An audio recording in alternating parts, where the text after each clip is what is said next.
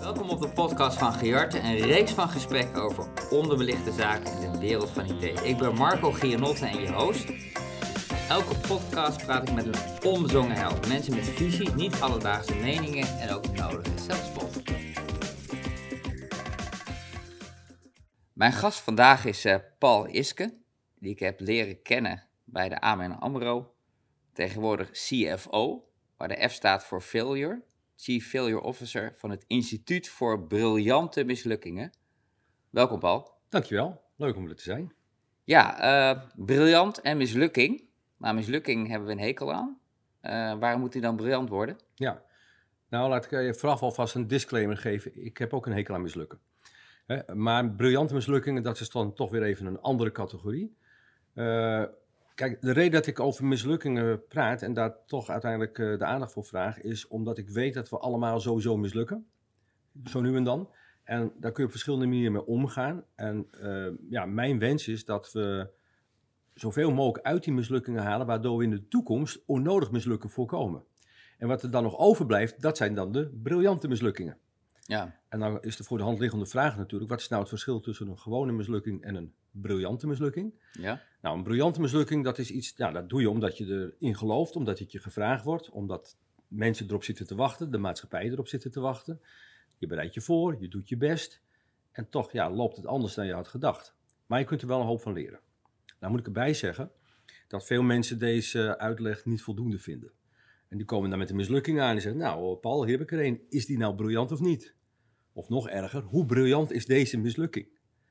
Dat is voor mij wel een relevante vraag, want ik, uh, ja, ik, ik, doe ook uh, uitreiking van prijzen. Hè, bijvoorbeeld in de ontwikkelingssamenwerking, in de gezondheidszorg. Nu net ook op het gebied van artificial intelligence in de publieke sector. En hebben we een jury. En de jury zegt, ja, maar wat zijn nou de criteria? Wanneer is het nou briljant? En hoe maak ik nou uit welke het meest briljant is? Nou, daar heb ik een formule voor ontwikkeld. Dat is niet zo vreemd. Ik ben van huis uit theoretisch fysicus, dus ik hou van formules. Maar uh, die formule, daarmee kun je dus gewoon uitrekenen hoe briljant je mislukking is. En die formule, dat heet de viral formule. Ja. En dat is toeval, want ik was eerder, ik was voor COVID. Maar het mhm. gaat nu over dingen die zich wel moeten verspreiden met een reproductiefactor groter dan 1. Namelijk de energie, de intenties, de resultaten, wat je geleerd hebt. En die vijf letters, de V, de I, de R, de A en de L, die staan voor de V voor de visie. Wat was je van plan? Ja? Was dat de moeite waard? De I staat voor wat was je inzet, de inspiratie die je had. De R van hoe ben je met risico's omgegaan? En dat is een tricky one. Hè? Dus niet te veel risico nemen is onverantwoord. Maar als je te weinig risico neemt, is het ook niet goed, want dan laat je kansen liggen.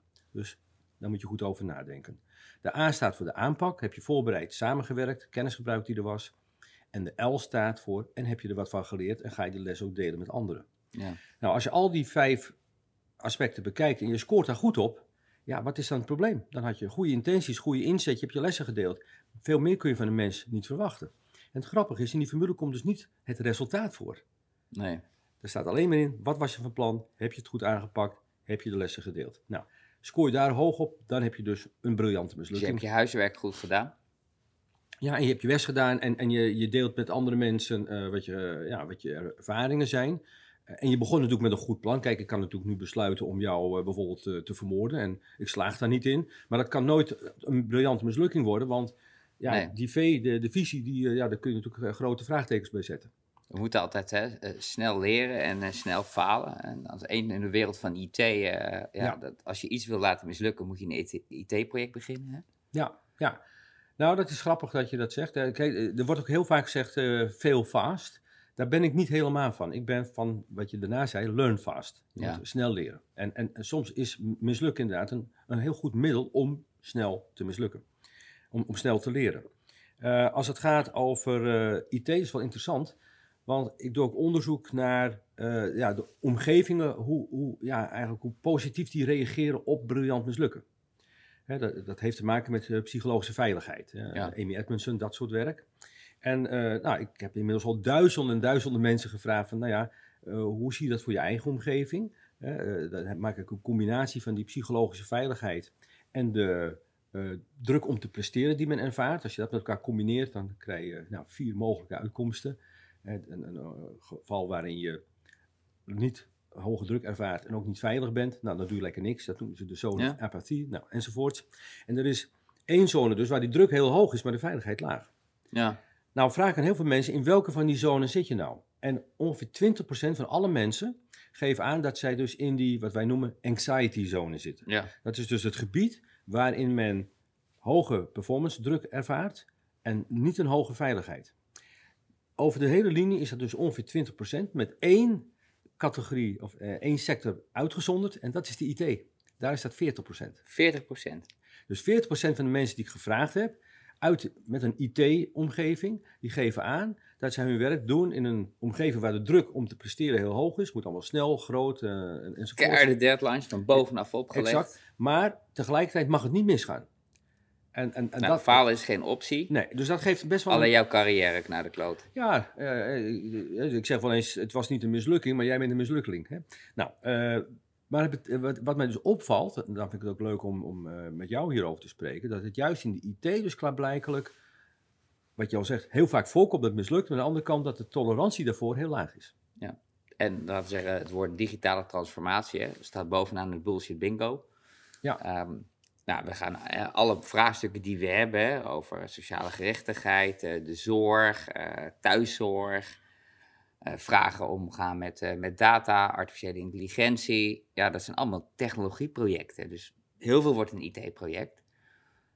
Wat ik intrigeerde altijd in, eh, in, eh, toen ik je, je werk las, en eh, we kennen elkaar al wat lang, is dat eh, het begint natuurlijk bij de houding, hè? Ja. Voor jezelf. Ja, eigenlijk bestaan er helemaal geen IT-projecten, want uiteindelijk moeten die IT-projecten iets in een bedrijf of in de samenleving teweeg brengen. En dat is waar het uiteindelijk om gaat.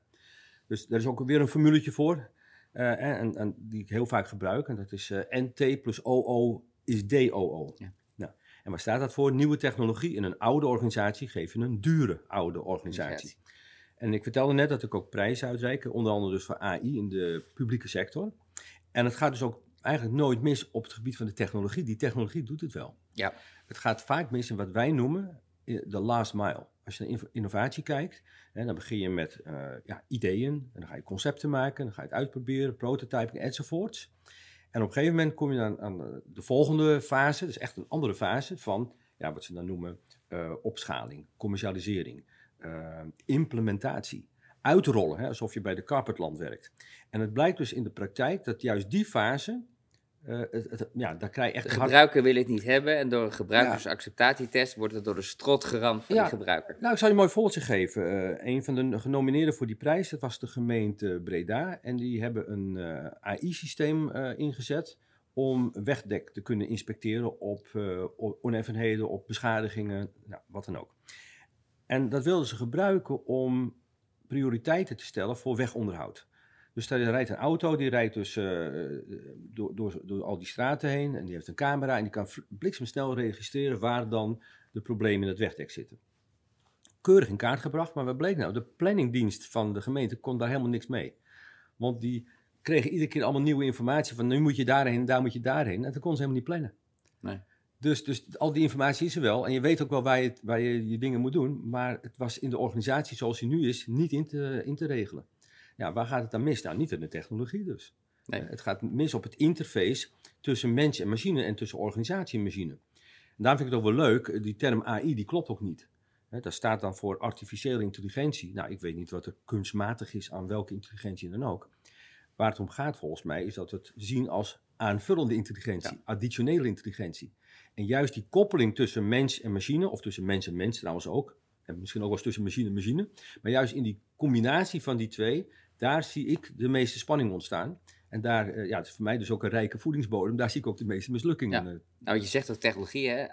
AI is eigenlijk ook een be- beetje een general purpose technologie, net als het internet of de verbrandingsmotor. Ja. Dus de toepassingen zijn anders, bijvoorbeeld in het sociale domein. Je vertelde naar aanleiding, eh, een beetje het voorgesprekje voor deze podcast, over bijvoorbeeld de rol van natural language processing om te kijken van een belangrijk sociaal probleem is depressie. En Ja. mensen die zichzelf eh, eh, het leven willen nemen, van ja, doen ze het echt of doen ze het niet.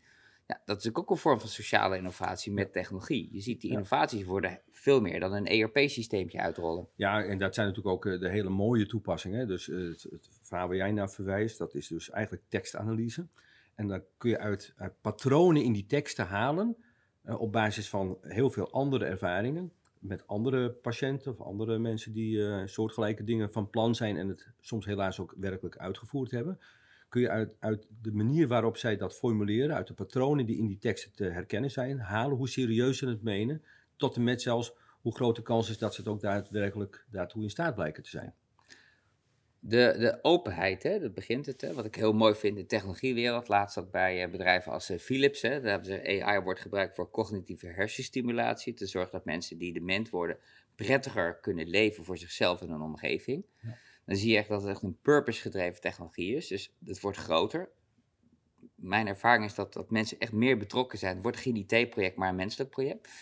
Wat ik gaaf vind in, uh, je hebt ook boeken geschreven, je hebt een tijdschrift, het instituut. Uh, je hebt het ook over dat je eigenlijk het kan zien. Hè? Je wilt natuurlijk niet in de toekomst falen, dus je wil leren van falen.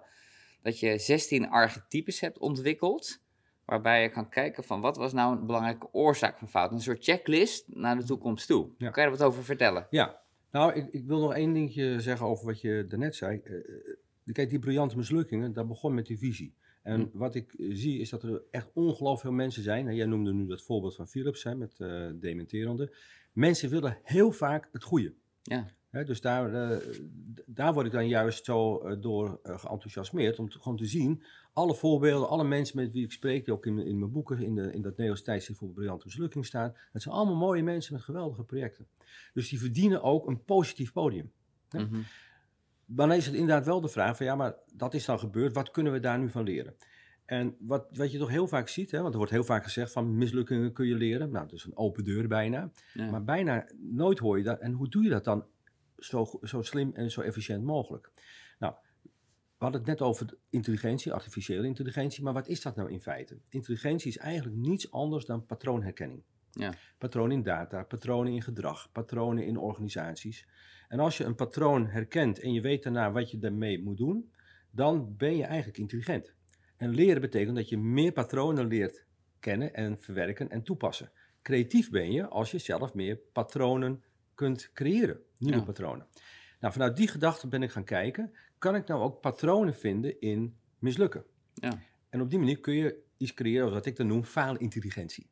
Die faalintelligentie gaat over patroonherkenning, patronen in mislukken.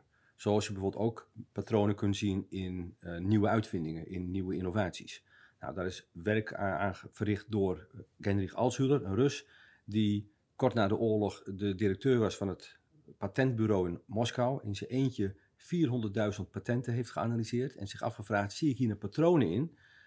Dat zou namelijk nuttig zijn om te weten dat als er een nieuw, uh, nieuwe aanvraag binnenkomt, dan kan hij ze beter plaatsen en kijken of er zoiets dergelijks al bedacht was. Daarnaast kun je die patronen ook gebruiken om nieuwe innovaties juist uh, sneller uh, te bedenken. En hij heeft toen ook een brief naar Jozef Stalin gestuurd en gezegd: Geachte leider, ik heb dit werk gedaan en wij kunnen nu beter en sneller vernieuwen. Ik denk niet dat hij het woord innovatie al zou gebruiken. En Stalin zag dit als kritiek op het bestaande systeem en die heeft het verbannen naar Siberië. Uh, nou, uiteindelijk is hij wel weer teruggekomen en methode ontwikkeld? Ja, dus die hele methode van TRIS heeft hij dus uh, verder ontwikkeld.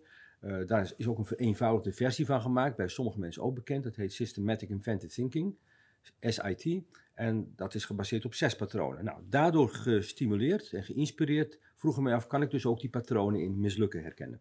En inderdaad, ik heb uiteindelijk 16 basisprincipes gevonden waarom dingen nou misgaan. En waarom is dat nou nuttig?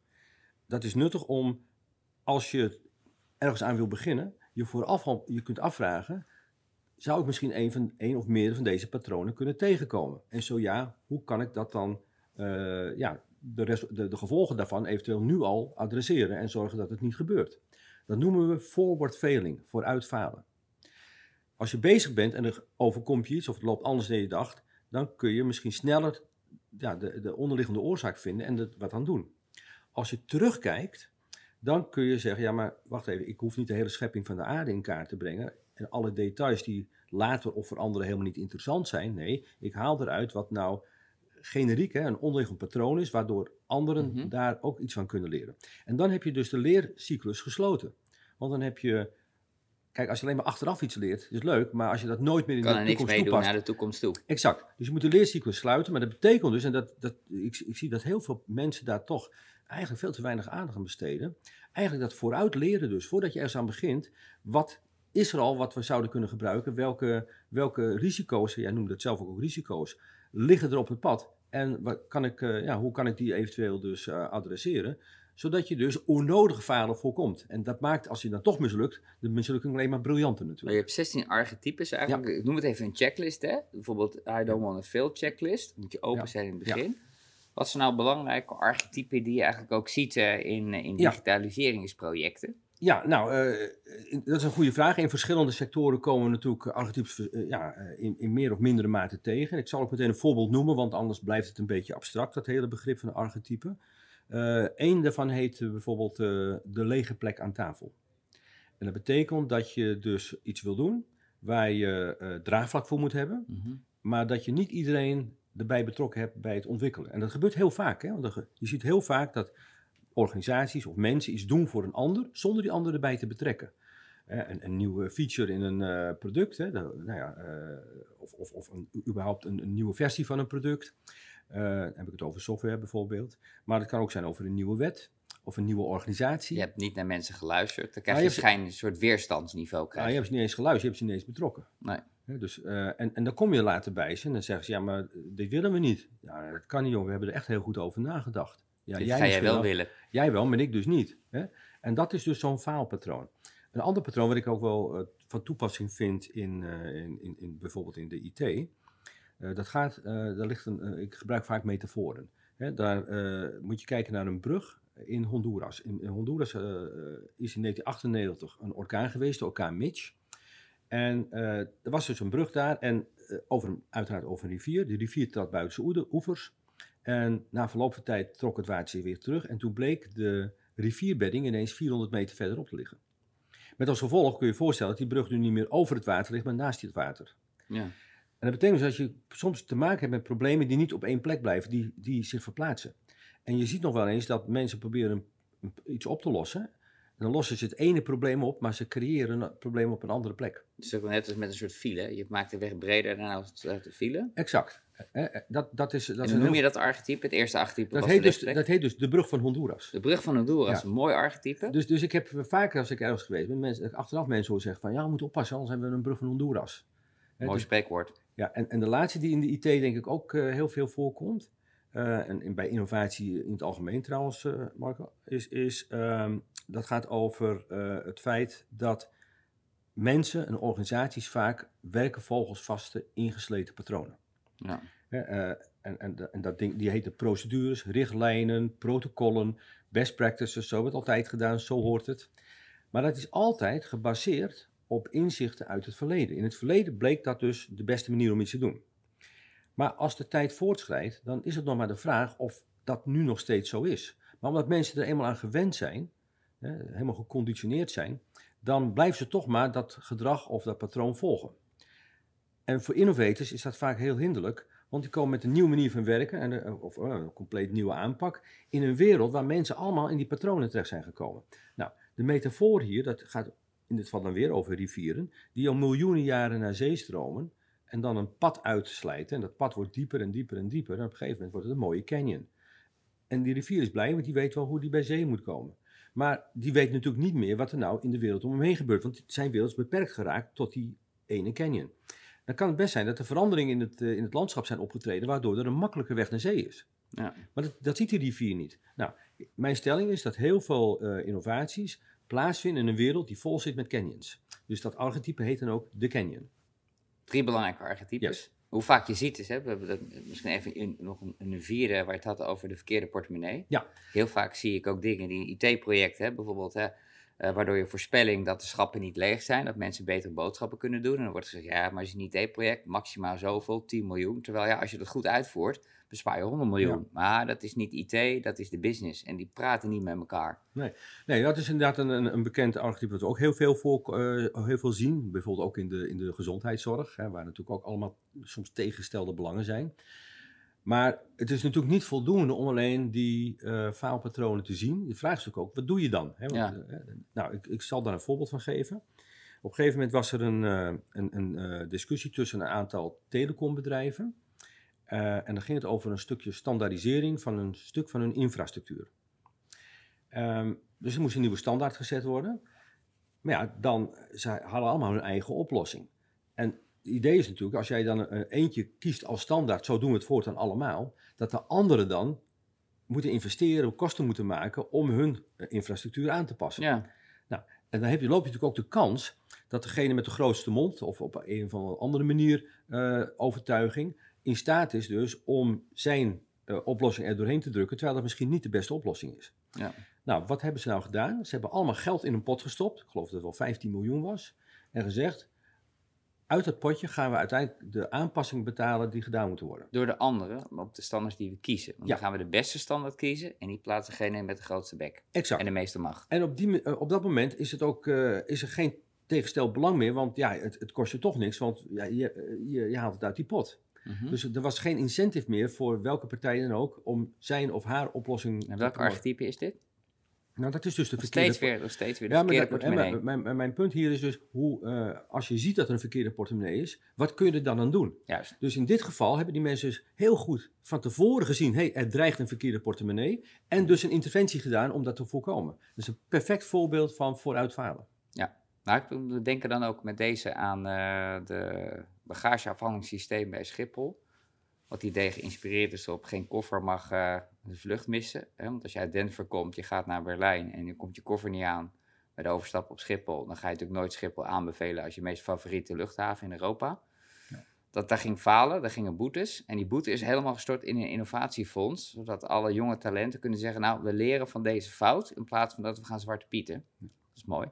Ehm, Nou, dat is interessant dat je dat zegt, want ik had toevallig net een discussie met een, eh, met een groot bedrijf. En daar zei iemand iets wat ik echt heel interessant vond. Die zei, is het niet, eigenlijk niet raar dat we allemaal een opleidingsbudget hebben, mhm. maar dat we geen budget hebben om te leren van onze ervaringen? Ja, En zouden we niet een deel van dat budget moeten eh, herallokeren? Juist om, om van ervaringen te kunnen leren en op die manier dus ook echt eigenlijk... open gesprekken te hebben. Hè? Ja, in plaats en- van dat je de zoveelste keer probeert Ja. en niet bijvoorbeeld meeneemt. En dat sluit heel erg aan bij hoe creëer je überhaupt met elkaar een omgeving, een cultuur of hoe, wat, je, eh, wat je ook wil, waarin experimenteren en leren en mislukken gewoon een na- natuurlijk Mhm. onderdeel zijn van de organisatie. En dat vind ik wel een hele belangrijke, want ik ga er nog steeds van uit. Hè, we hadden het er net over dat, eh, dat, dat, ja, dat ik vaak hele mooie mensen tegenkom met hele mooie projecten. Maar in feite, ik ga ervan uit dat vrijwel iedereen die naar zijn werk komt, of, of wat dan ook doet, dat met goede intenties doet. Mhm. Hè? En, en, eh, en, we, en we zien nu wat er allemaal om ons heen gebeurt in de wereld. Eh, en je mag toch blij zijn dat je op een gegeven moment dat je je veilig voelt. Waarom zouden we elkaar dan ook niet juist helpen om die veiligheid ook op ons werk bijvoorbeeld te ervaren? Ehm, en, en ja, ik vind het dus eigenlijk ook echt een mensenrecht dat mensen ja, kunnen doen wat ze, waar ze in geloven, of dingen die ze gevraagd worden, zonder dat ze bang moeten zijn van ja, maar als het mislukt, wat gebeurt er dan met mij? Ja. En dat vind ik dus mensenrecht. Dus ik heb ook een jurist gevraagd om een uitbreiding te formuleren op de Universele Verklaring van de Rechten van de Mens. Ja, Het recht om briljant te mogen mislukken, dus dingen te mogen proberen, te ervaren, te leren, zonder eh, daarna bang te hoeven te zijn voor je positie als mens of als collega of als familielid. Eh, en daar, die verklaring hebben we dus ook eh, uiteindelijk helemaal geformuleerd, is ook terug te vinden op onze website. Die heb ik ook opgestuurd trouwens naar de Verenigde Naties, hè, want ik vind Hm. het een zinvolle uitbreiding van de bestaande verklaring. En ik ben al in fase 2, Marco, want ik heb een eh, ontvangstbevestiging. fantastisch. Maar wat ik leuk vond Nou, eh, de implementatie. discussie, hè, bijvoorbeeld eh, stel ook over falen. Je bent een ondernemer, je begint en je gaat een keer failliet. Nou, dan staat er een grote streepje achter je naam of een Ja. vinkje of een kruisje. En dan krijg je nooit meer een lening. Terwijl ja, misschien heb je het op de beste manier gedaan. Maar dat hoort eigenlijk ook bij. Dat er een cultuur, een maatschappij ontstaat. Waar we zeggen, oké, wij kunnen leren van onze fouten. Ja, nou ja, dit, je, sluit een beetje aan bij het eh, begin eigenlijk van, van het Instituut voor Briljante Mislukkingen. Want eh, dat is eigenlijk begonnen met een onderzoek naar wat gebeurt er met mensen die failliet zijn gegaan. Ehm, en ik, heb ook een, eh, meegeholpen een boekje waarin mensen zijn geportretteerd. Hele succesvolle mensen, zakelijk gezien in ieder geval. Maar die vroeger een probleem hebben gehad, die zelfs failliet waren gegaan in sommige gevallen. Maar ze zeiden allemaal, mijn latere succes is voor een deel gebaseerd op de dingen die ik geleerd heb toen ik het helemaal niet zo goed ging. Ja, En het int- interessant is dat er eigenlijk geen onderscheid gemaakt wordt tussen hoe mensen failliet zijn gegaan. Dus je kunt natuurlijk ook gewoon stom zijn geweest, of, of, of tot en met crimineel aan toe. Maar je kunt ook briljant failliet zijn gegaan. En onderzoek, bijvoorbeeld in de Europese Commissie, dat is een groot onderzoek geweest, dat heette het Phoenix-project, toont aan dat mensen die opnieuw beginnen nadat ze eerst briljant mislukt zijn, uiteindelijk succesvoller zijn, een grotere toegevoegde economische waarde leveren dan mensen die voor de eerste keer Uit de starten. as herrezen. Ja, zeker. En daarom eh, pleit ik ook, en daar werk ik ook aan, aan een zogenaamde tweede kansenomgeving. Bijvoorbeeld een fonds wat alleen investeert in mensen, eh, in, in organisaties die geleid worden door mensen die ooit failliet zijn geweest. Fantastisch. En dat is niet alleen maatschappelijk, denk ik, een, eh, een te verdedigen concept, maar ook dus gewoon economisch. Want uit onderzoek blijkt dus dat deze mensen ook gewoon kansrijker zijn. Ja. Dus waarom niet? Dus voor een betere, gezondere maatschappij en een betere, gezondere bedrijven. En leuker werk in de digitale transformatie is het echt aanbevelingswaardig, eh, ook voor de luisteraars, om meer te lezen. Ik ga zorgen ook dat er een, eh, gelijk een stuk, een leuk artikel komt over die 16 archetypes. Dan kunnen mensen dit lezen. Ontzettend bedankt dat je in deze podcast eh, wilde deelnemen. Ik hoop dat mensen ook geïnspireerd zijn en ook gaan zoeken van wat je allemaal doet. Hè? Want ja, we kunnen uren doorpraten. Ja. Wat ik echt wil afsluiten is dat jouw lessen ook worden opgepakt in landen zoals Korea, maar ook Japan, waar natuurlijk ja, de, de druk van bovenaf niet falen. Hè? Ook, bent een soort Guus Hidding in, mijn ogen in, eh, in Korea. Dat vind ik wel heel mooi, dat deze lessen die we hier doen in Nederland en zo open over het Instituut voor Briljante Mislukkingen, dat dat ook nu global gaat. Ja, dat is zeker leuk, want eh, nou ja, ik doe werk in Zuid- in Zuid-Afrika, daar ben ik ook hoogleraar. Eh nou, Korea, Japan, Noorwegen. En het is iedere keer weer interessant om te zien hoe anders men reageert op dit verhaal. In, in Korea is men bijvoorbeeld heel erg op het collectieve. Dus als je daar faalt, faal je niet alleen voor jezelf, maar je faalt voor je hele familie, voor je hele organisatie, voor je hele land. En dan kun je je voorstellen dat de drempel daar natuurlijk een stuk hoger ligt. Ja. Nou, zo zijn er allerlei dingen die voor of tegen het makkelijk omgaan met mislukkingen werken. En dat geldt niet alleen voor landen, dat geldt ook voor verschillende type organisaties. Want het maakt natuurlijk wel uit of je voor een bank werkt of voor Google. Of eh, voor, voor een kleine start-up of voor een heel groot bedrijf of voor de overheid. En iedere keer is het weer een, eigenlijk een avontuur om te ontdekken, ja, hoe, wat is hier de beste manier om eh, dit gesprek te voeren. Mag ik jou danken? En Ga je gang. eh, wij zullen elkaar nog wel zien. De, de lezers en de luisteraars zullen ook nog wel eh, meer van jou gaan vernemen. Dank u wel voor het luisteren naar de podcast van Giarte. Te vinden op Spotify. Tot de volgende keer.